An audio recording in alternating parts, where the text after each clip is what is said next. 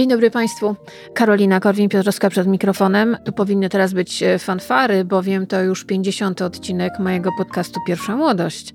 To dajmy jakieś fanfary. No, bardzo już mi miło. Słuchajcie, 50 tygodni, gdyby ktoś mi te 50 tygodni temu powiedział, że tak długo będę do Was mówiła, to pomyślałabym, nie wiem, czy to jest możliwe, nie wiem, czy dam radę, nie wiem, czy będzie mi się chciało, ale okazuje się, że możliwość mówienia całego zdania, takiego, żeby ktoś mi nie przerywał, mówienia dokładnie tego, co ja chcę, a nie tego, co się komuś podoba, jest dla mnie idealna, że praktycznie rozkwitam, z jednym małym wyjątkiem.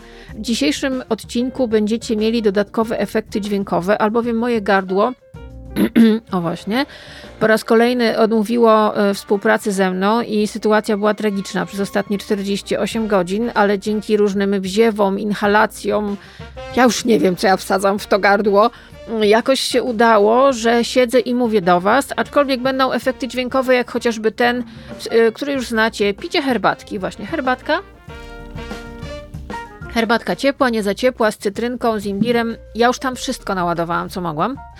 Więc mam nadzieję, że jakoś dotrwam do końca, bo dzisiaj będzie. Aha, zanim co będzie dzisiaj, jeszcze mm, przypomnę, że mm, podcast Pierwsza Młodość, tak jak i podcast Miesiączka, który, który jest co miesiąc, powstaje dzięki Patronite'owi.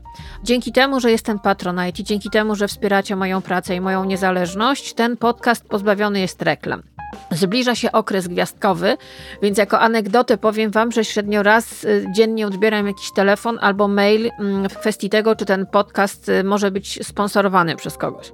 Abstrahując od tego, że to są firmy, z których, mm, o których nie wzięłabym żadnego sponsoringu, bo albo to jest jakiś tani alkohol, albo zwykła woda, albo plastikowe ubrania, albo kosmetyki testowane na zwierzętach, to generalnie dużą radość mam w powiedzeniu nie, bo ja ten podcast dzięki, robię dzięki mm, patronom z Patronite'a i to jest mój dowód na moją niezależność i przyczynek do tego, że właśnie nie muszę bawić się w sponsorowanie podcastu.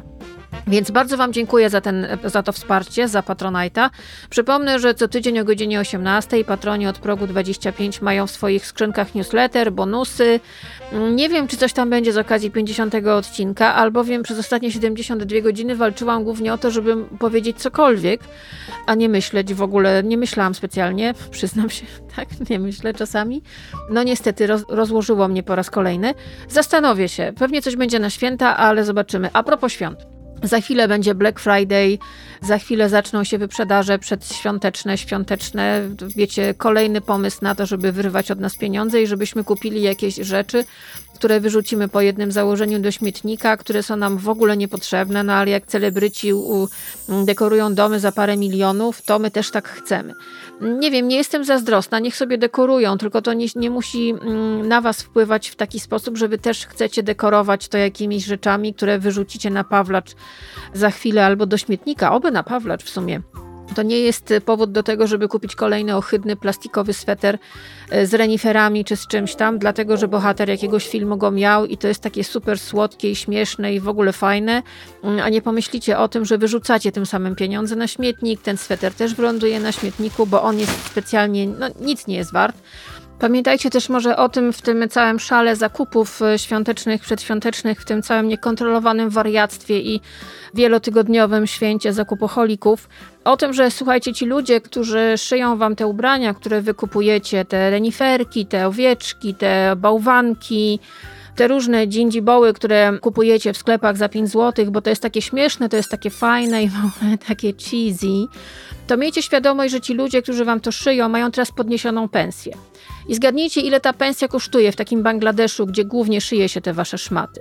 Otóż, proszę Państwa, oni zarabiają 114 dolarów miesięcznie po podwyżce, ponieważ tam były gwałtowne protesty. Ta pensja miesięczna została podniesiona o ponad 54% do 114 dolarów miesięcznie. To teraz sobie wyobraźcie, ile to jest na złoty polskie i wyobraźcie sobie, że tam ludzie za to żyją. Żyją za to, że wynosicie te gówniane swetry. Jestem tutaj trochę brutalna i możecie mnie potem schejtować, ale naprawdę mnie to nie interesuje.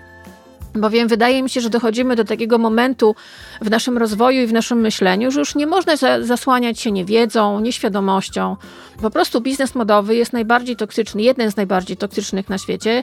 I właśnie w, okresie, w okresach świątecznych, kiedy dostajemy totalnego, przepraszam za wrażenie, pierdolca, idąc do sklepów, wchodząc do sklepów internetowych, widząc te wszystkie Mikołaje, te, bomb, te bombki, te kolendy, no w ludzi coś wstępuje po prostu. Wydają pieniądze do spodu, nawet te, których nie mają, bo jak wiecie, mamy tak zwane mm, płatności opóźnione i tam też już dochodzi do tego, że po prostu ludzie wydają pieniądze, których nie mają i nie wiadomo, czy w ogóle będą mieć.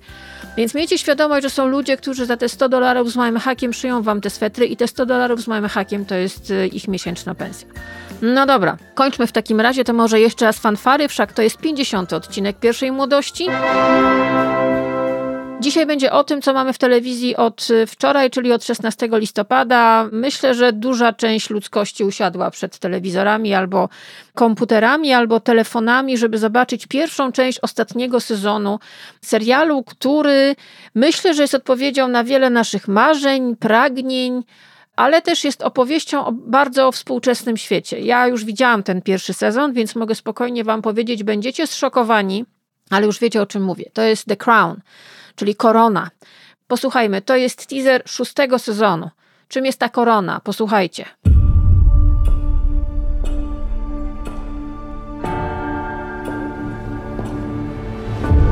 The crown is a symbol of permanence.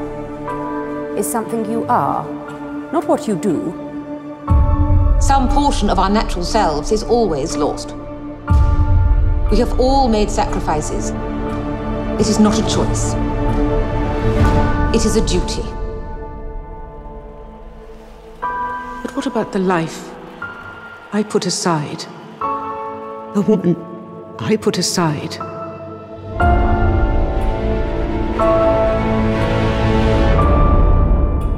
Przypomnę, że dokładnie 4 e, listopada 2016 roku świat zobaczył pierwszy odcinek serialu The Crown, czyli Korona, czyli opowieści o e, najbardziej fascynującej rodzinie królewskiej w historii współczesnej, czyli e, królewskiej rodzinie brytyjskiej.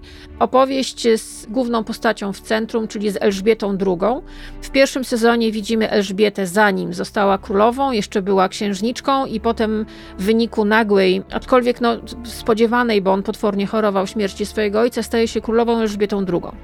I z takiego nie, nie tyle trzpiotowatej dziewczyny, ale z takiej dziewczyny, która bawiła się, miała jakąś swoją radość w życiu, jakieś plany, no, nagle stała się bardzo młodą kobietą z bardzo ciężką koroną na głowie i kobietą, która nagle zmienia całe swoje życie o 180 stopni i mężczyzna, którego kochała książę Filip musi iść e, za nią i musi jej służyć, bo staje się jej poddanym i to też jest powodem do tego, pretekstem do tego, że między nimi nie jest tak dobrze, jak było kiedyś, a oni się naprawdę kochali.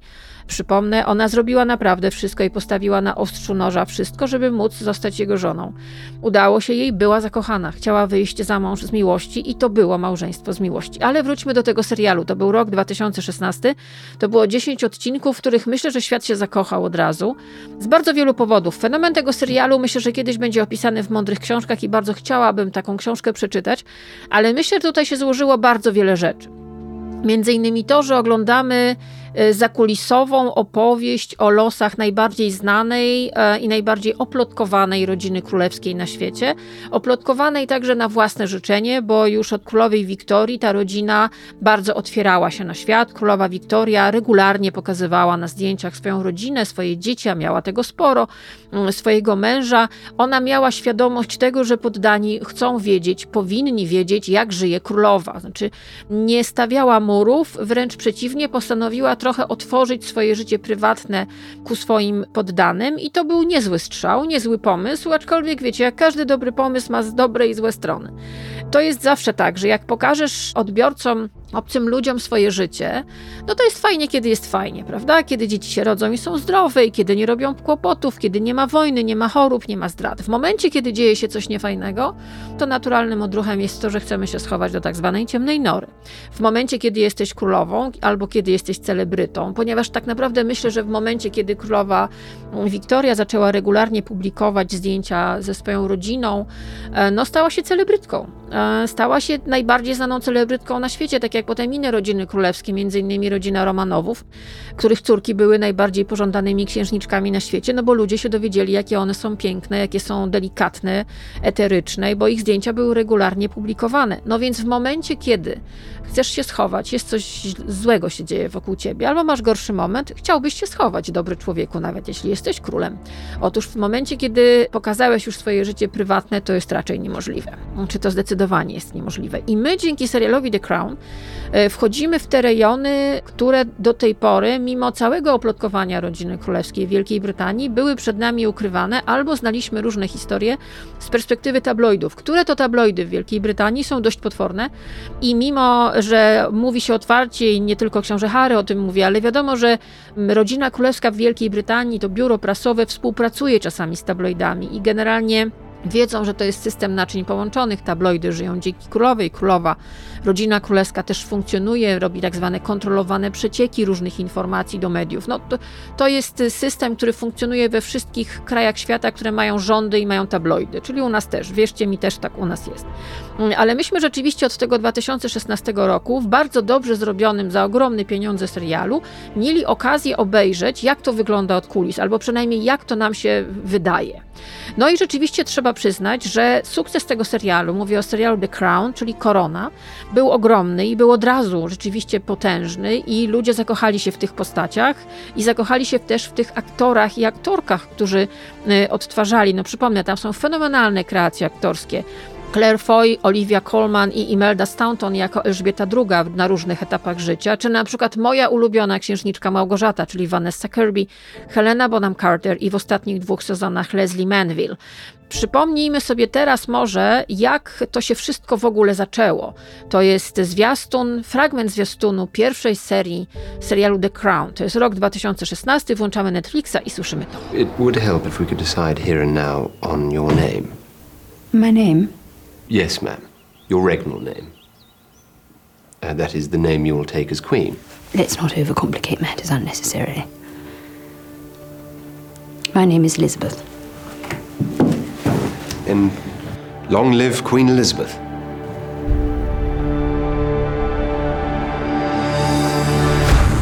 I teraz mamy y, pierwszą część finałowego szóstego sezonu, który y, jest niesłychanie, ta część jest oczekiwana, no bo wiadomo, co w niej będzie. Już od dwóch sezonów wiemy, że no, w serialu jest księżna Diana.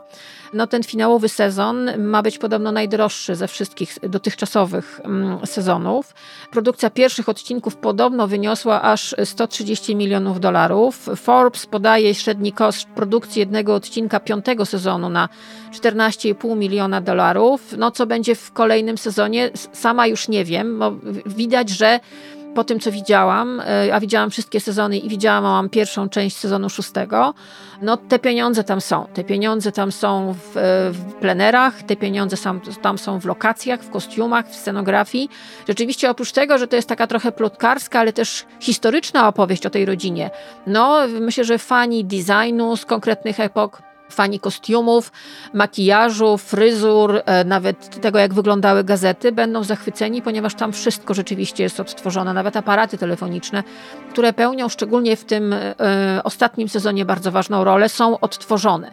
Suknie są odtwarzane w wersji 1 do 1, tam nikt nie robi nic byle jak i to się rzeczywiście czuje. No i mamy ten ostatni sezon, sezon szósty, no i się okazuje, że mamy pierwsze cztery odcinki, których główną bohaterką zdecydowanie jest księżna Diana i to, co się stało w 1999 roku, czyli katastrofa w Paryżu, w wyniku której wypadku samochodowego księżna Diana zginęła. Obok niej był kierowca, jej ochroniarz i Dodi Al-Fayed, który jakoby miał być jej chłopakiem, narzeczonym. Od razu wam powiem, ok, niech to będzie spoiler. Tutaj serial twórcy serialu, scenarzyści powątpiewają to, w to. To jest eufemizm. No bo rzeczywiście są różne teorie na ten temat. Ojciec Alfajeda mówi zupełnie co innego, historycy mówią zupełnie co innego, siostry Dajany, do którymi ona miała kontakt. I tam jest zacytowana taka jedna hipotetyczna rozmowa, która mogła mieć miejsce między Dajaną i jej siostrą. Też mówią zupełnie co innego, że to nie było nic poważnego, no ale wokół tej śmierci bardzo tajemniczej, nagłej i niespodziewanej, to zwykle tak bywa, powstaje cała masa teorii teorii spiskowych. No i oczywiście jedną z nich jest to, że ona po pierwsze, oni po pierwsze byli zaręczeni, co jest nieprawdą, po drugie, że ona była w ciąży. Zostawmy na chwilę w takim razie e, jeszcze e, sezon finałowy. Oto fragment zwiastunu sezonu drugiego. Wybitny jest to sezon, wspaniały sezon, który tak naprawdę pokazuje życie królowej Elżbiety po tym, jak została królową, jej problemy z mężem, z Filipem, który no, jest duchem niespokojnym, któremu jest bardzo trudno znaleźć swoje miejsce na dworze, który desperacko szuka jakiegoś zajęcia. To jest opowieść o jego romansach, to jest opowieść o jej upokorzeniu na oczach, oczach Brytyjczyków. Ona miała świadomość tego prawdopodobnie. No i wspaniała rzeczywiście rola Claire Foy w roli królowej Elżbiety II. Oto fragment zwiastuna. Here is this striking, handsome man walking beside the most famous woman in the world. Who is he? What's your name? Philip. Philip what? It's just Philip. All men must step into the unknown. You are a mystery man to me. There are two types of people those whom one imagines to be trustworthy and reliable, who turn out to be treacherous and weak, and those who appear to be complex and difficult, turn out to be more dependable than anyone thought. Ten years has taught me. One ends up knowing more about one's partner than they know about themselves. I know exactly what my job is. Your father made it perfectly clear. You are my job. Pierwotnie, o czym pewnie nie wszyscy wiedzą, miało być pięć sezonów The Crown, ale to się zaczęło rozrastać. Tych historii było dużo. Mm, latem 2020 roku ogłoszono, że będzie szósty sezon i to będzie sezon ostatni. Już teraz wiemy, że on będzie w dwóch częściach. I ten y, sezon, sezon ostatni, skupia się y, w dwóch częściach. W, pierwszych częściach, y, w pierwszej części na księżnej Dianie, natomiast w drugiej części mamy księcia Williama, który już pod koniec pierwszej części sezonu szóstego widać, że zoom będzie na niego, bo to jest ten przyszły król Anglii. Zresztą książę Karol Obecny król to podkreśla. No i mamy y, księcia Karola, który jeszcze nie jest królem, ale już bierze ślub y, z, z Kamilą. Mamy złoty jubileusz królowej. No jest tam kilka rzeczywiście bardzo ważnych elementów. No jest Kate Middleton. I potem mm, podobno ma już się na, zakończyć. Znaczy nie ma żadnych plotek, które by mówiły o tym, że będzie dodatkowy sezon.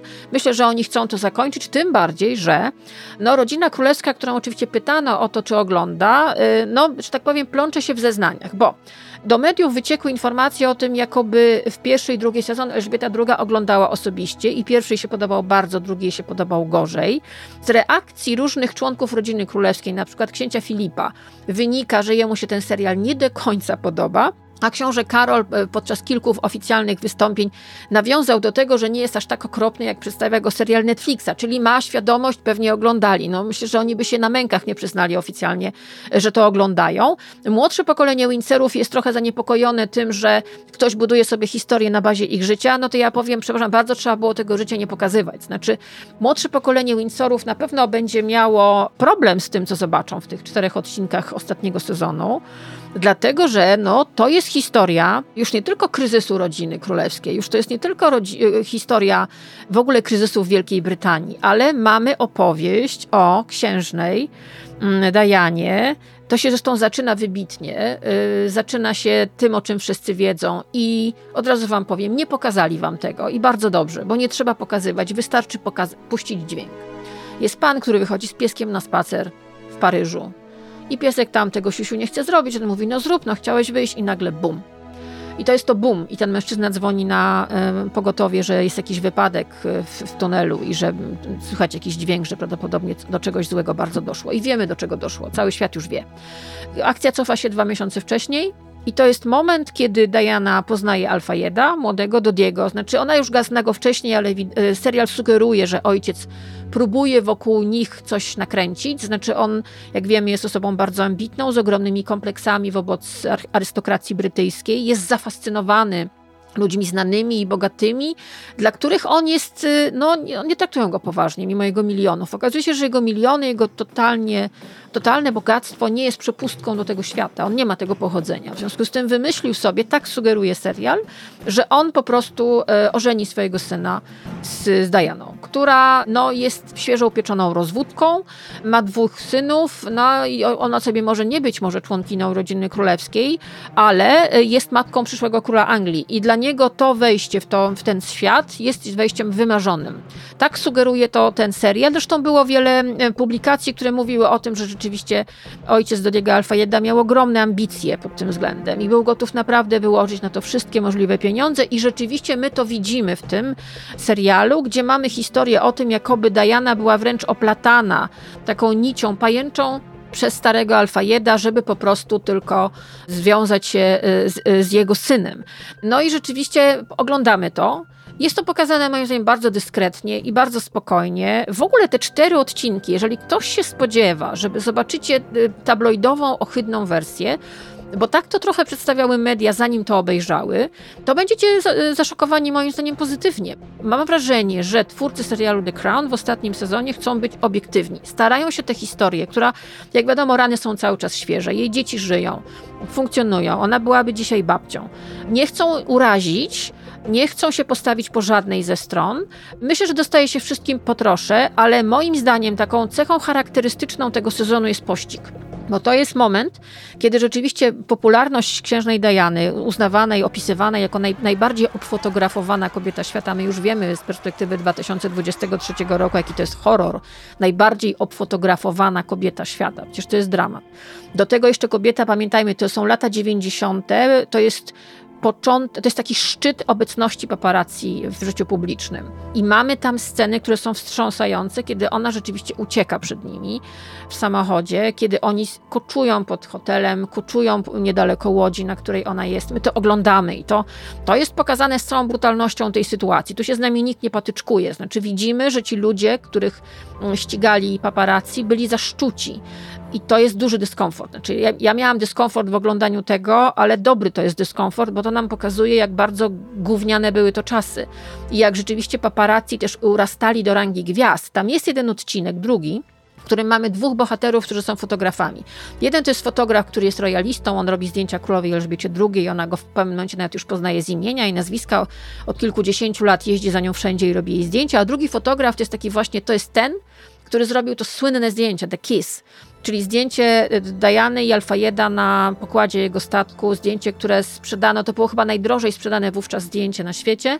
Ten fotograf zarobił na nim miliony, bo Diana była towarem. Znaczy miejmy świadomość też tego, że każde zdjęcie Diany się fantastycznie sprzedawało. Ona też wiedziała, że tak jest i o, tam jest też moment, kiedy ona ewidentnie pogrywa sobie z mediami, bo ona z tymi mediami grała też nie była taka, nazwijmy to święta.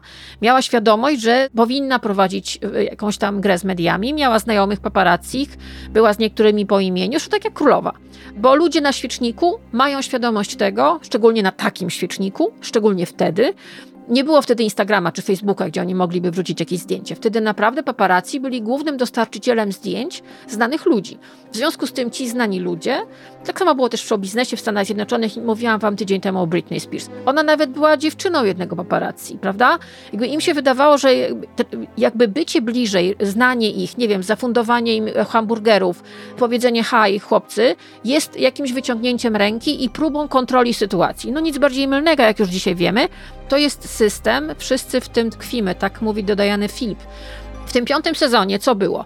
Mieliśmy rozwód Diana i Karola, na full wchodzi, że tak powiem, Kamila, mamy nowego premiera, mamy ogromną krytykę monarchii, mamy coś, z czym się monarchia po raz pierwszy od lat mierzy.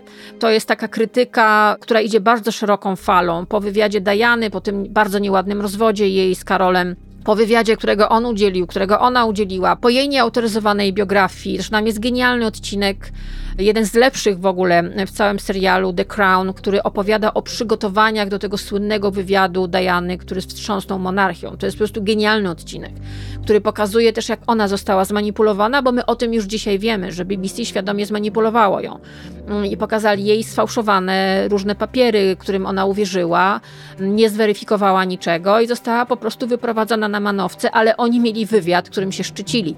Więc to jest bardzo ciekawy i w ogóle ten piąty sezon, który był przy przyjęty przez krytyków bardzo różnie. Mnie się on się podobał na tyle, bo miałam świadomość, że on będzie przygrywką do tego, co się stanie teraz, co już możemy oglądać na antenie Netflixa. Dla mnie też piąty sezon był sezonem o mediach. Ja się interesuję mediami, lubię wiedzieć, jak to wszystko jest skonstruowane, co wynika z czego i co jest odpowiedzią na, na co. Ja lubię też słowo kontekst. Ja myślę, że sezon piąty dawał nam genialny kontekst do tego, co się dzieje w sezonie szóstym, który już możemy oglądać. Mówię, jak już powiedziałam, on jest w dwóch częściach. Pierwsze cztery odcinki to jest historia Dajany, ostatnie dwa miesiące życia. I to jest też pogrzeb. Jeżeli myślicie, że coś wiecie na temat tego, co tam jest pokazane, to nie wiecie nic. Ja uważam, że producenci, scenarzyści, twórcy tego serialu zachowali się z, z ogromną kulturą i klasą, ponieważ pewne rzeczy zostały wyłącznie zasugerowane jest tam pokazana duża do, doza emocji. Myślę, że mamy uczłowieczenie, między innymi Karola, Mamy Williama, który jest e, niesłychanie introwertycznym chłopcem, który się wstydzi, zresztą ojciec mu zarzuca. Mamy tę królową, która próbuje wyjść z twarzą sytuacji, której się wydaje w ogóle nie do wyjścia z twarzą. Jesteśmy skupieni na tej rodzinie, co też jest bardzo ciekawe, bo na przykład jeżeli pamiętacie film pod tytułem Królowa i tam też jest motyw przecież śmierci Diany i tego pogrzebu, i tego, jak premier skłonił ją do tego, żeby jednak wygłosiła orędzie do narodu. Tu nie ma premiera, on się pojawia tylko na początku pierwszego odcinka. Tu mamy dramat rodziny we wnętrzu zamku Balmoral. I to jest pokazane i widać, że ci ludzie są no, zszokowani tym, co się stało, nie wiedzą, co mają zrobić, nie wiedzą, jak się mają zachować, bo czegoś takiego nie było. Zresztą to mówi Karol, który na przykład walczy o to, żeby królowa pożyczyła mu samolot, żeby mógł przywieźć ciało Diany z Francji do Wielkiej Brytanii, bo nie ma ochoty i wydaje mu się, że to nie byłoby zasadne, żeby ciało matki przyszłego króla Anglii przewieźć do Wielkiej Brytanii samochodem Harrodsa. No, zdecydowanie coś jakby zawalczył o to. Zresztą pamiętam, jak czytałam kilka lat już po pogrzebie relacje ludzi, którzy wreszcie zaczęli mówić, ci, którzy byli na przykład z nim w Paryżu, on rzeczywiście ogromnie to podobno przeżył i to jest pokazane. Pokazane jest to, jak przeżywają to dzieci, pokazane jest rzeczywiście to, że dla tych ludzi, dlatego mówię o tym o pewnym uczłowieczeniu, był to absolutny szok i że oni nie wiedzieli, jak się w tym odnaleźć. Zupełnie, bo nikt by się nie wiedział, jak, jakby się w tym odnaleźć. Więc mamy czteroodcinkową opowieść, w której moim zdaniem mamy opowieść o pościgu. Ten pościg jest permanentny, z wyjątkiem ostatniego odcinka. Ale pościg jest cały czas. Te media, ci paparazzi, wszystko, co jest notowane na temat jej życia. I każda reakcja Karola, tam jest taki wątek, że Camilla Parker Bowles miała 50. urodziny i Karol jej urządzał imprezę na, na, z okazji 50. urodzin. I oczywiście rywalizacja między nimi Dianą, kto będzie miał lepsze okładki, o, czym, o kim lepiej napiszą media. Ten potworny stres, jaki towarzyszy i jej, i jemu w tej wojnie medialnej, bo oni weszli na drogę wojenną, wojny medialnej ze sobą. Nie wiadomo, czy tam jest, miała miejsce ta scena, która jest pokazana mm, w serialu, gdzie oni jakby za, za, postanawiają zawrzeć pokój, że może w życiu prywatnym nam nie wyszło, ale jeżeli chodzi o wychowanie dzieci, bądźmy najlepszymi z możliwych. Tak? Tam jest, to jest fajna scena. Nie wiem, czy ona miała miejsce w życiu realnym, ale chcę w to wierzyć, bo oni też bardzo fajnie ją zagrali. To, co robi Elizabeth Dembicki, australijska aktorka w roli księżnej Diany, to jest dla mnie fantastyczne. Znaczy, ona była już świetna w poprzednim sezonie, ale teraz, kiedy gra kobietę, która jest ścigana, która jest osaczona, która jest nieszczęśliwa, która sama trochę nie wie, czego chce, która jest przede wszystkim bardzo tym wszystkim zmęczona i nie ukrywa już tego, która jest, naprawdę ma taki paniki, no bo tam są te sceny, gdzie ona nie może wejść do taksówki, nie może wejść do samochodu, bo cały czas nad nią wiszą na niej ludzie, za przeproszeniem. Świetny jest Dominic West w roli Karola. Ja myślę, że naprawdę on tę, tę postać bardzo uczłowiecza, nadaje jej taki rys ludzki, bardzo, szczególnie w, ty, w tej serii, no, gdzie mamy do czynienia z ojcem, który musi swoim synom powiedzieć, że ich matka zmarła. I musi się jakoś zachować w całej tej sytuacji i wie, że kamery całego świata są skierowane właśnie na niego.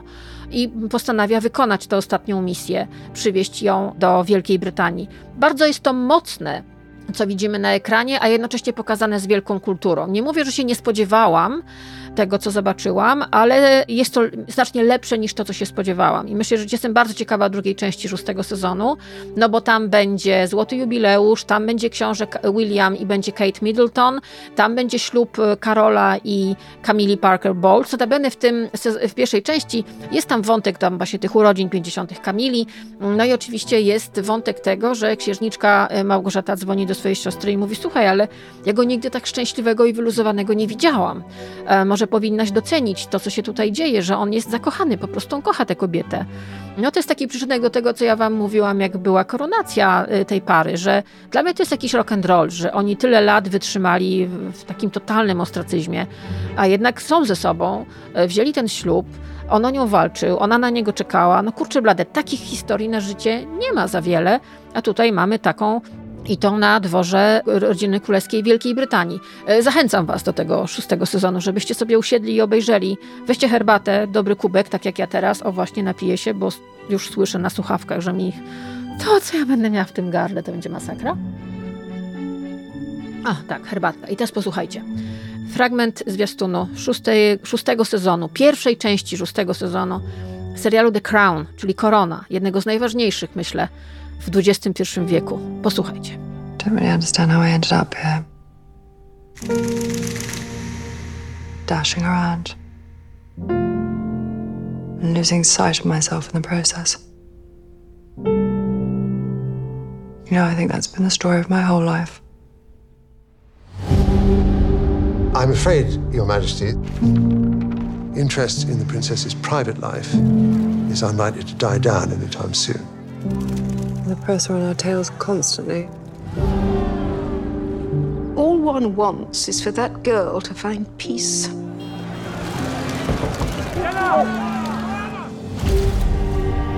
Mummy. You okay? I'm okay. It's just.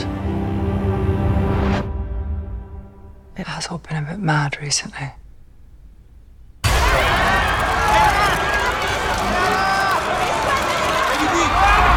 Pierwotnie, proszę Państwa, w tym odcinku Pierwszej Młodości, przypomnę, Pierwsza Młodość, podcast, który powstaje dzięki Patronite.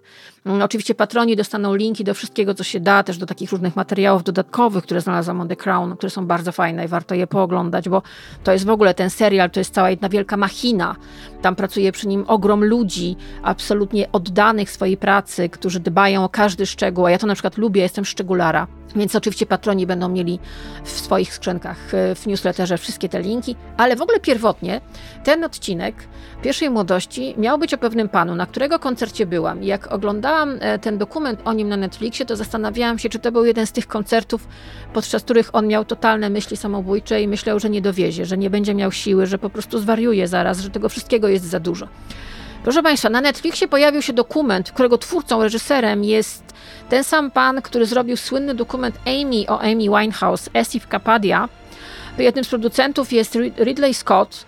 To nie mogło nie wyjść. To musiało wyjść bardzo mocne i to jest y, coś, co uderza nas po żołądku i ogląda się to no ja oglądałam z narastającą niemocą, że tak powiem. Robbie Williams na Netflixie, posłuchajcie. You ready, Rob? Nah. I really wish I did something else for a living.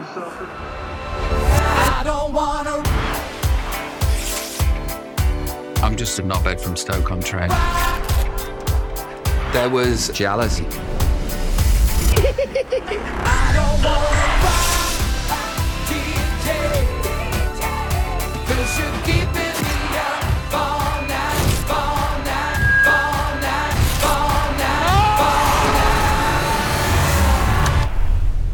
You'll be able to watch the documentary when you're much older. What happened? A lot. Innit? Ja pamiętam jakiś czas temu zrobiłam wam odcinek o filmach dokumentalnych, gdzie powiedziałam o tym, że musi być scenariusz, musi być bohater. Dostało mi się zresztą od niektórych z was, że nie podobał mi się dokument Anny Przybylskiej. Nie, nie podobał mi się dokument o Przybylskiej, bo uważam, że był zrobiony żenującym, żenującą metodą pod tytułem sadzamy znanych ludzi, oni coś tam mówią, montujemy do tego obrazki, szluz, jedziemy z koksem. To się tak nie da. Dobre dokumenty powstają na świecie i można sobie wziąć przykład z tego, jak zrobić dobry dokument. Bez względu na to, czy robimy dokument o osobie żyjącej, czy nieżyjącej. Tu mamy osobę żyjącą. Robbie Williams. Facet, który w wieku 16 lat dostał się do jednego z najbardziej znanych boys bandów na świecie, czyli Take That. 16 lat. Dzieciak. Nie za mądry, jak sam mówi. Niezbyt bystry. Lubił grać w piłkę. Nie wiedział, nie miał w ogóle świadomości, w co wchodzi. I to jest opowieść o facecie, którego my poznajemy, on już ma prawie 50, w jego domu. On siedzi sobie na łóżku, ubrany w bieliznę, koszulka i gacie, za przeproszeniem. Siedzi na swoim łóżku, na swojej pościeli, otwiera komputer. I ponieważ przez 30 lat swojej kariery był filmowany non-stop za kulisami, ma okazję przy nas obejrzeć po raz pierwszy te materiały. One ułożone są chronologicznie, czyli ktoś tutaj w ogóle dokonał wyboru tych materiałów i one opowiadają jego życie. Czyli mamy Robiego Williamsa w gaciach, na łóżku, na pościeli, w jego sypialni, do której czasami wchodzi jego córeczka najstarsza i chce się przytulić, albo on jej mówi, nie, nie będziesz tego oglądała, no chyba, że dorośniesz, no bo tam jest dużo na tych taśmach. I on sobie siedzi i ma ten komputer. Podejrzewam, że ktoś mu po prostu wybrał te fragmenty. Może on rzeczywiście, nie wiem, czy wiedział wcześniej, co będzie oglądane, nie wiem. Sądząc po reakcji, naprawdę momentami jest zszokowany i ogląda je przy nas. To są cztery odcinki. To są cztery odcinki, które ja interpretuję jako podróż do ostatniego kręgu piekielnego. Naprawdę. Tak jak mówię, byłam na jego koncercie, był strasznie fajny, świetny showman, lubię go słuchać. Uważam, że jest fajnym, autoironicznym człowiekiem z ogromnym talentem, fantazją, osobowością sceniczną niesamowitą. To jest rzeczywiście ktoś, kto urodził się po to, żeby bawić ludzi. Wielokrotnie to zdanie pada w tym dokumencie, ale my nagle, dzięki temu, że oglądamy takie właśnie zakulisowe wideo, tam nie ma wypasionych zdjęć, wypasionych sesji, tam nie ma żadnych oficjałek, że tak powiem. Rzeczywiście to jest, pamiętajmy, to są lata 90., czyli dostajemy do ręki małe kamerki i tymi małymi kamerkami kręcimy świat. To mówiłam wam przy Beckhamie. Rzeczywiście ja też miałam taką kamerkę. Każdy marzył, żeby mieć taką małą kamerkę i że po prostu kręcimy wszystko. I ludzie kręcili wtedy wszystko. I on te, doku, on te materiały ktoś zebrał, opisał, skatalogował i posadził Robiego Williamsa u niego w domu w sypialni w Stanach Zjednoczonych i on sobie tam to wszystko ogląda. I to jest, proszę Państwa, total. Mamy osobowość głównego bohatera, który jest człowiekiem już po ogromnych przejściach. Jak ogromnych opowiada nam ten dokument, bo mamy alkohol, mamy narkotyki, mamy leki przeróżne, mamy, delikatnie mówiąc, niezbyt stabilną psychikę od samego początku. Kogoś, kto sobie nie do końca daje rady w tym, co się wokół niego dzieje, na widok którego dziewczyny mdleją i krzyczą, a on by chciał po prostu położyć się spać. Ale z drugiej strony mówi na pytanie, czy marzysz o normalnym życiu, on mówi, to jest normalne życie. Czyli kogoś, kto zakłamuje tę rzeczywistość, która dzieje się wokół niego, to wpada po prostu w odmęty piekielne. Bardzo szybko mamy pierwszy, drugi, trzeci odwyk, mamy upadki bardzo duże. Mamy człowieka, który w latach 90. za kulisami po raz pierwszy, bo nie powie tego do kamery bardzo długo, mówi o kryzysie psychicznym, bardzo poważnym. Ja nie miałam pojęcia o tym, że ten człowiek, Robbie Williams, wychodził na scenę i miał atak paniki. Ja miałam kilka ataków paniki w życiu.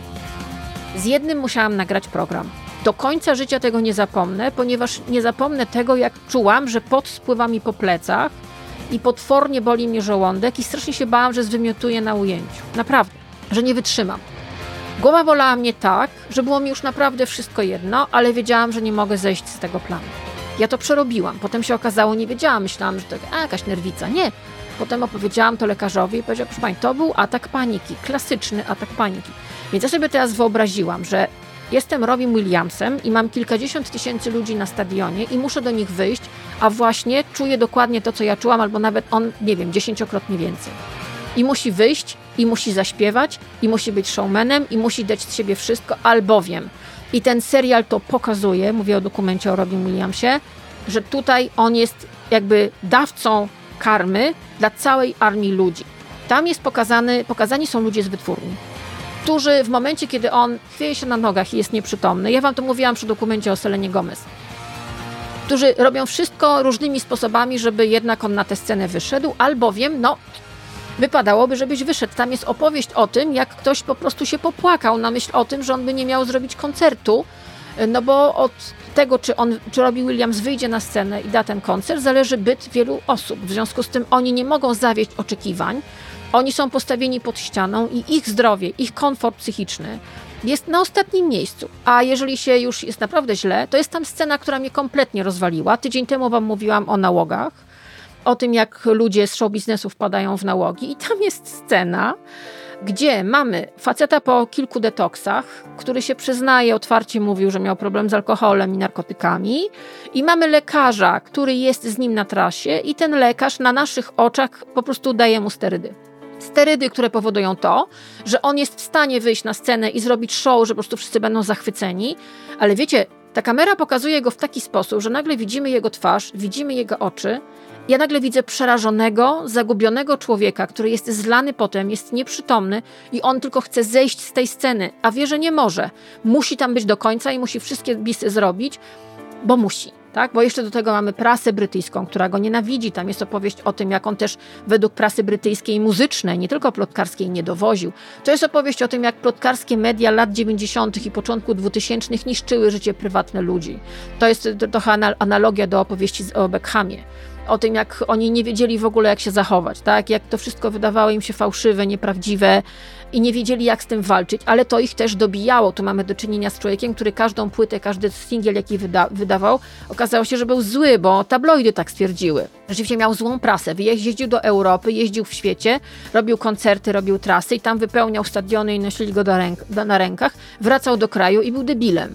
Był debilem, narkomanem, alkoholikiem, w ogóle co on robi, ten robi William. Słuchajcie, ogląda się to z rosnącym, że tak powiem, dyskomfortem. Ponieważ jeżeli myśleliśmy, że cokolwiek wiemy o tym człowieku, to ten facet, który siedzi w bieliźnie na, na pościeli w swojej sypialni, w swoim domu i ogląda razem z nami te materiały i momentami chce przewinąć, bo nie ma siły tego oglądać.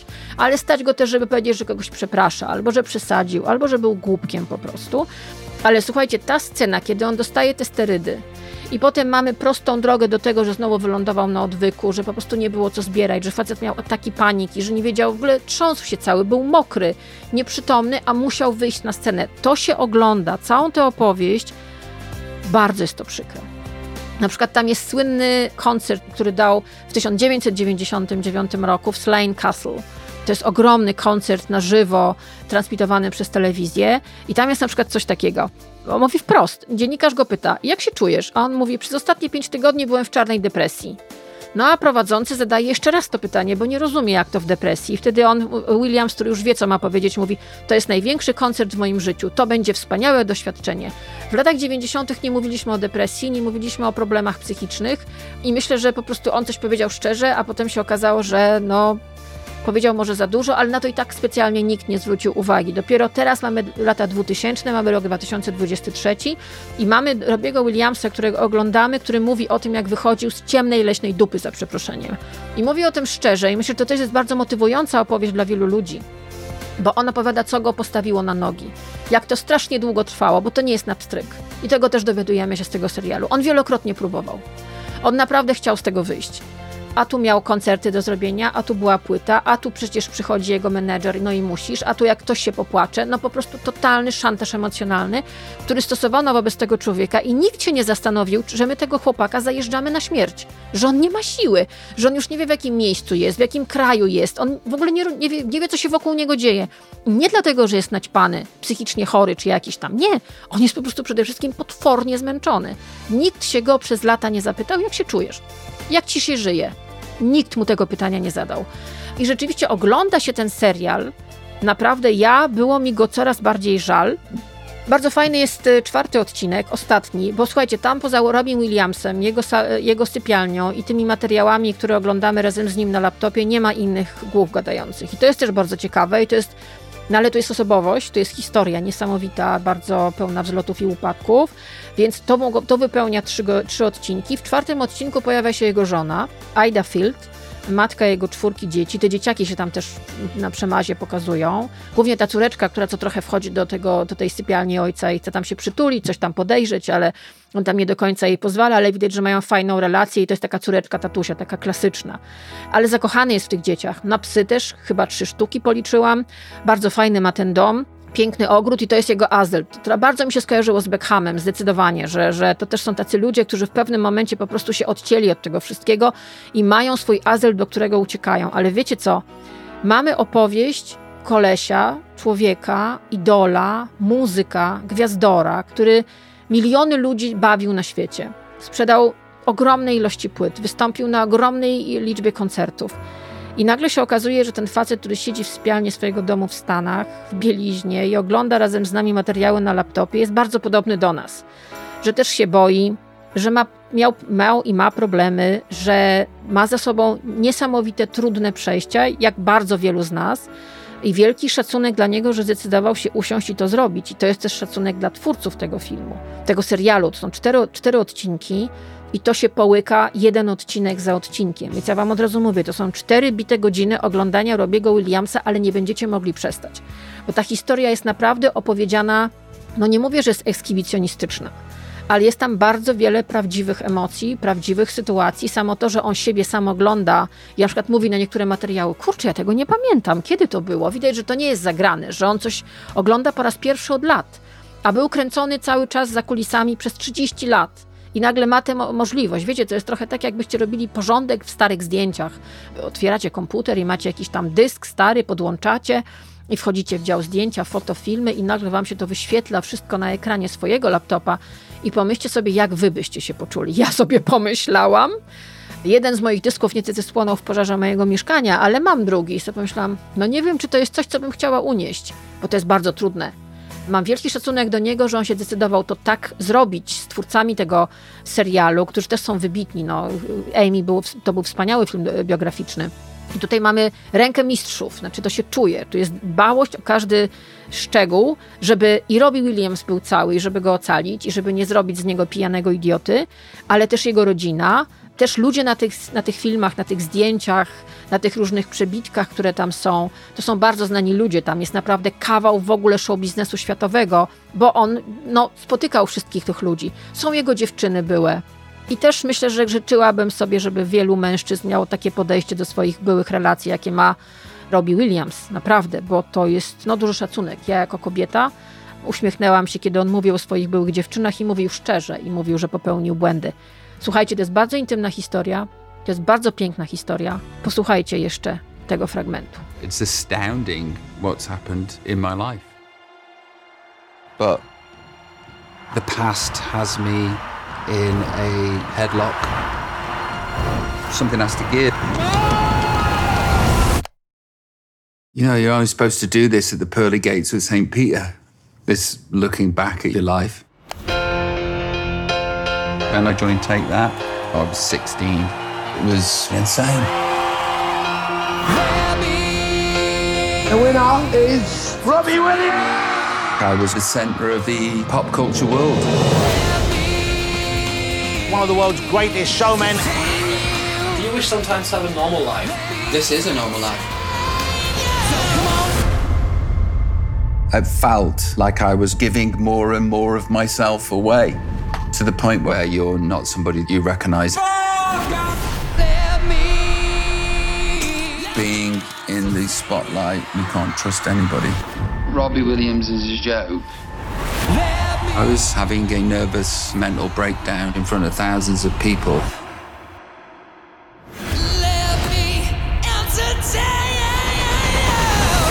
No i oglądając film o Robin Williamsie, raczej ten czteroodcinkowy serial, od razu pomyślałam o jednym filmie. Filmie z 1979 roku. Tam jest, jak mówię, w serialu o Williamsie jest taki moment, kiedy przychodzi lekarz i daje mu sterydy prostodożylnie. Sterydy, które mają go postawić na nogi, dzięki którym zagra koncert. A tam nieważne, że będzie się potem fatalnie po tym wszystkim czuł następnego dnia i będzie, się, będzie go wszystko bolało i będzie wyglądał jak ścierka. To nieważne, on ma zrobić ten koncert. Pomyślałam sobie od razu o filmie z 1979 roku. Ten film to cały ten zgiełk. Wyreżyserował go Bob Fosse.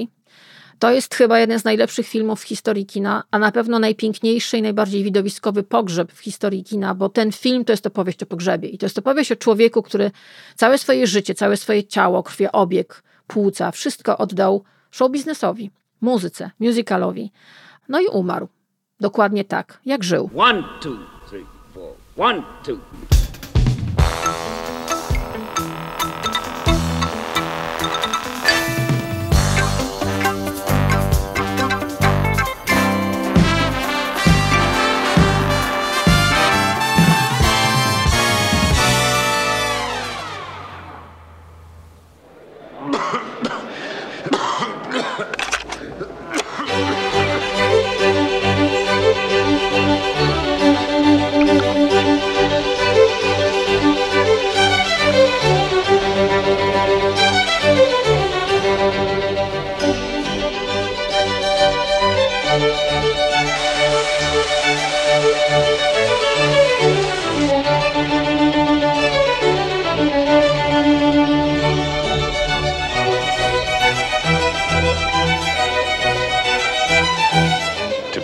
Is life.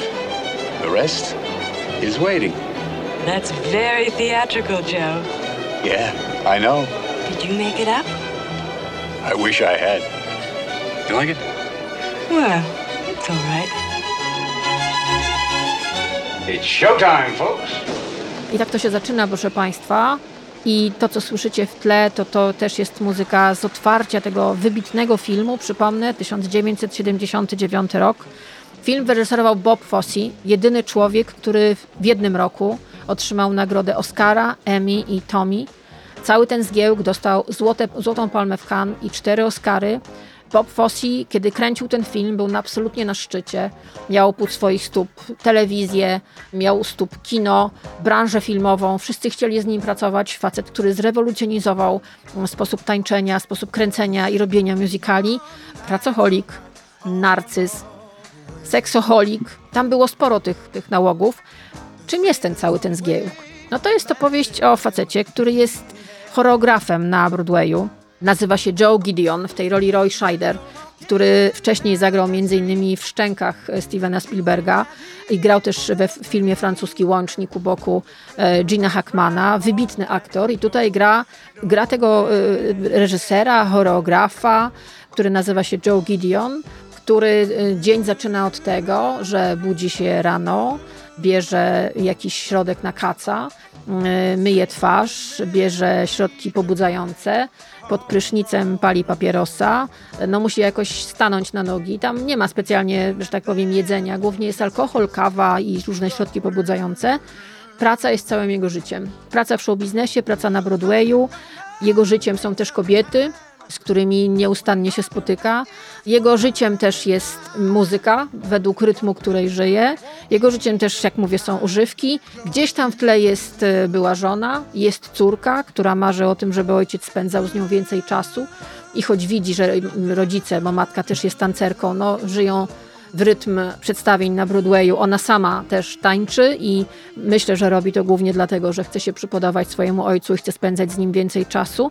No ale e, tu mamy faceta, który z pozoru jest człowiekiem sukcesu, wszyscy chcą z nim pracować, ale patrzy na swoje odbicie w lustrze. Roy Scheider jest wybitny w tej roli i mamy po prostu człowieka, który jest zniszczony przez alkohol, przez narkotyki, przez seks, przez nikotynę cały czas kaszle. Pokasuje na, na początku słabiej, potem coraz mocniej. Ma chore serce, udaje, że się nic nie stało. Lekarze mówią, jemu kompletnie nie, ob, nie, nie obchodzi, jakim on jest w stanie zdrowia. Mówienie mu, żebyś się zaczął, zaczął dbać o siebie, zaczął może coś wyluzować, może nie wiem, odpocznij, może nie rób tego wszystkiego, może nie pij tyle, może nie pal tyle. To oczywiście można rzucać jak grochem o ścianę. On zmierza ku śmierci i wie o tym. I cały ten film jest taką opowieścią o jego, o tym, jak on do tej śmierci zbliża się a dokładnie zbliża się w objęcia anioła śmierci, którego w tym filmie fenomenalnie odtwarza Jessica Lang. No, późniejsza Wielka Gwiazda to była jedna z pierwszych jej ról i rzeczywiście jest tam przepiękna, taka eteryczna, przezroczysta, niemal blondynka, w ramiona której on wpada na sam koniec.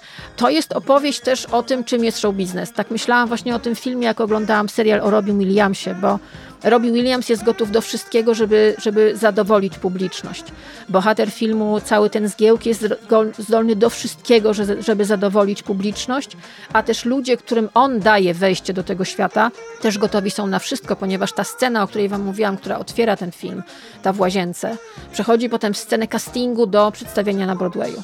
I to jest y, scena fenomenalna, bo my widzimy autentyczny pot, krew i łzy. Widzimy ludzi, którzy są gotowi na wszystko, którzy wiedzą, że od jednego ruchu ręką choreografa e, Gideona zależy ich być albo nie być. Jest to spełnienie marzeń, albo może nie tym razem, albo proszę nie dzwonić, my zadzwonimy. Te takie magiczne formułki, które, które słyszą ludzie, którzy idą na casting i walczą o wszystko.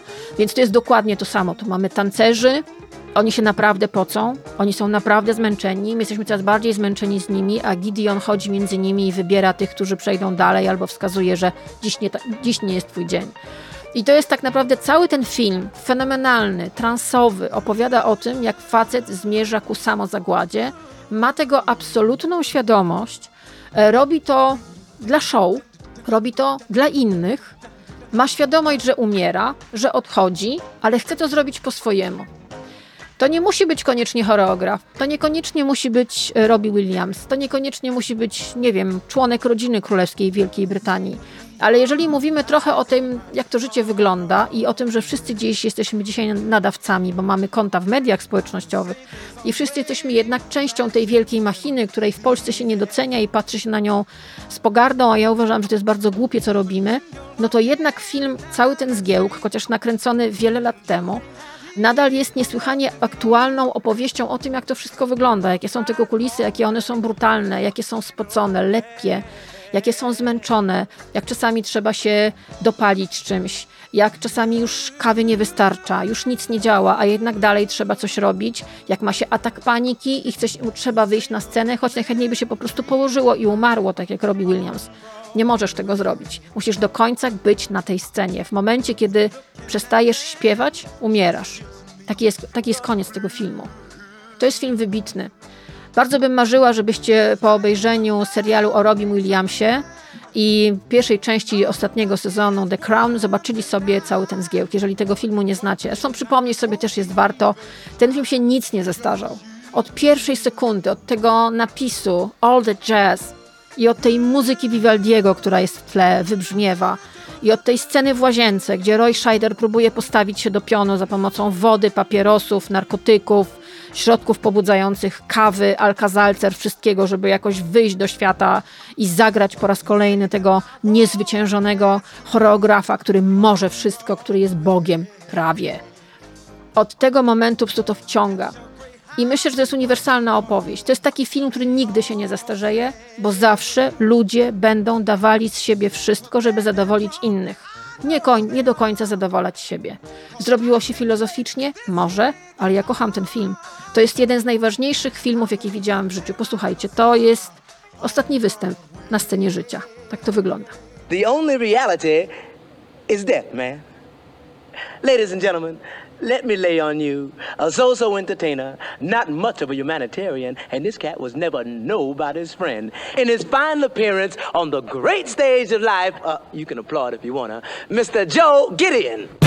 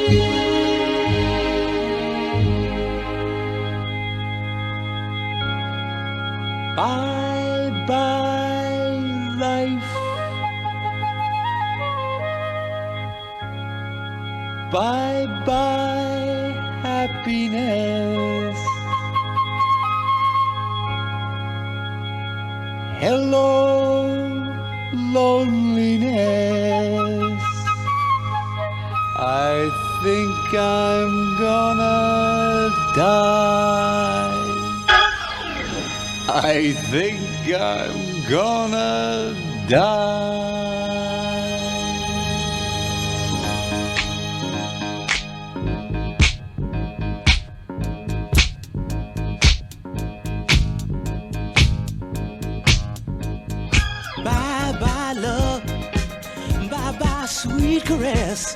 Hello, emptiness. I feel like I could die. Ah, bye bye, your life goodbye. Bye bye, my life goodbye. Ah, bye bye, your life goodbye.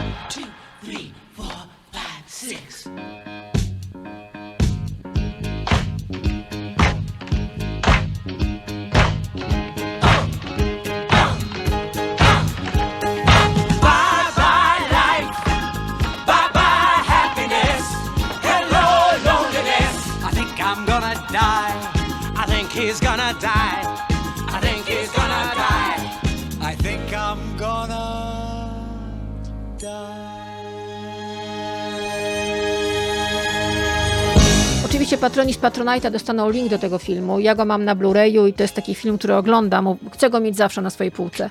Bo myślę, że za, na, na miejsce takiego choreografa, reżysera, tancerza, piosenkarza, księżnej wali można wstawić wiele osób które są postawione wobec tego, że muszą spełniać oczekiwania, które mają wobec nich inni ludzie.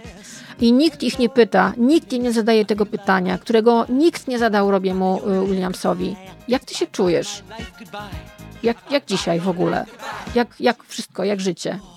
Nie zadaję im tego pytania, ponieważ dookoła mają siebie ludzi, którzy czekają tylko na to, żeby oni dali z siebie wszystko, a potem jakoś się ich postawi na nogi. I często cena tego jest potworna. To jest atak paniki, to są nałogi, to jest alkohol, narkotyki, seks, papierosy, przeróżne używki, leki. A naprawdę, ja zamarłam, jak zobaczyłam tę scenę w serialu o Robin Williamsie, jak lekarz po prostu robi mu ten zastrzyk. Ma świadomość tego, co mu robi.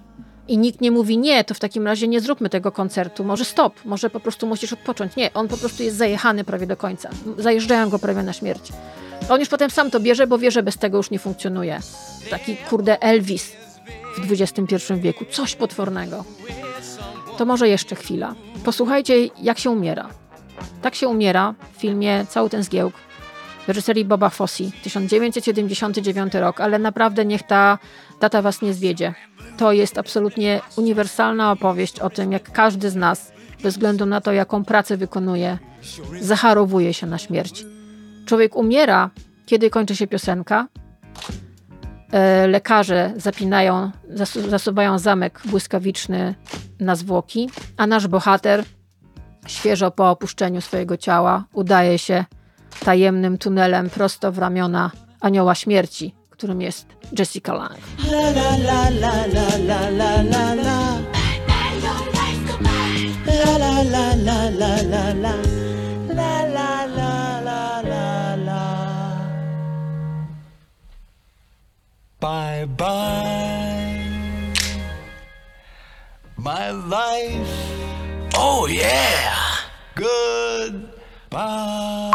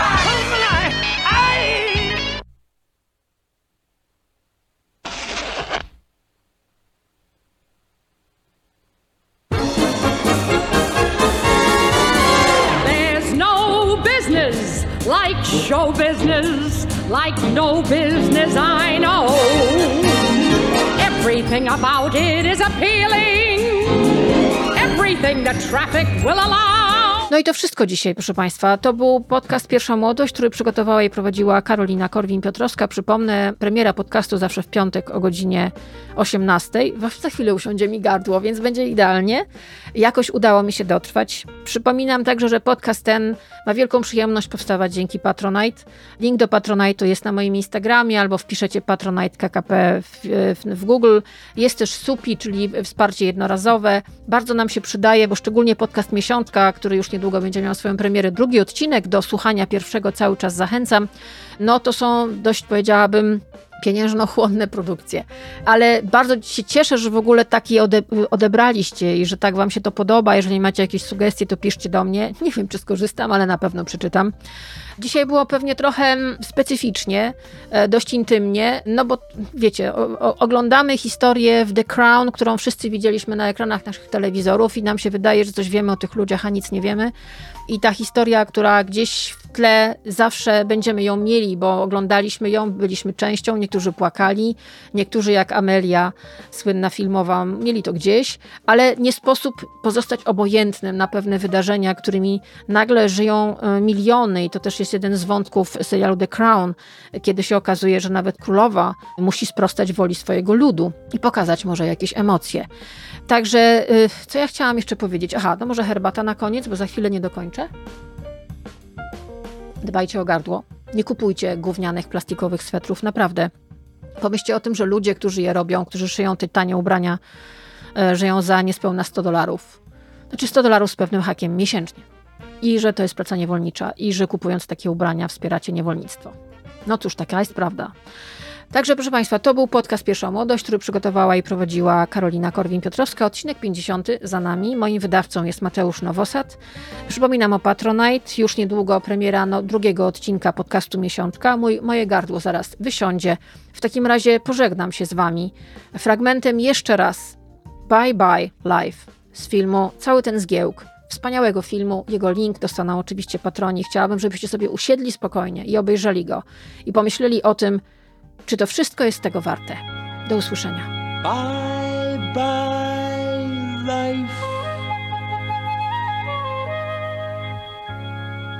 Bye bye happiness. Hello loneliness. I think I'm gonna die. I think I'm gonna die.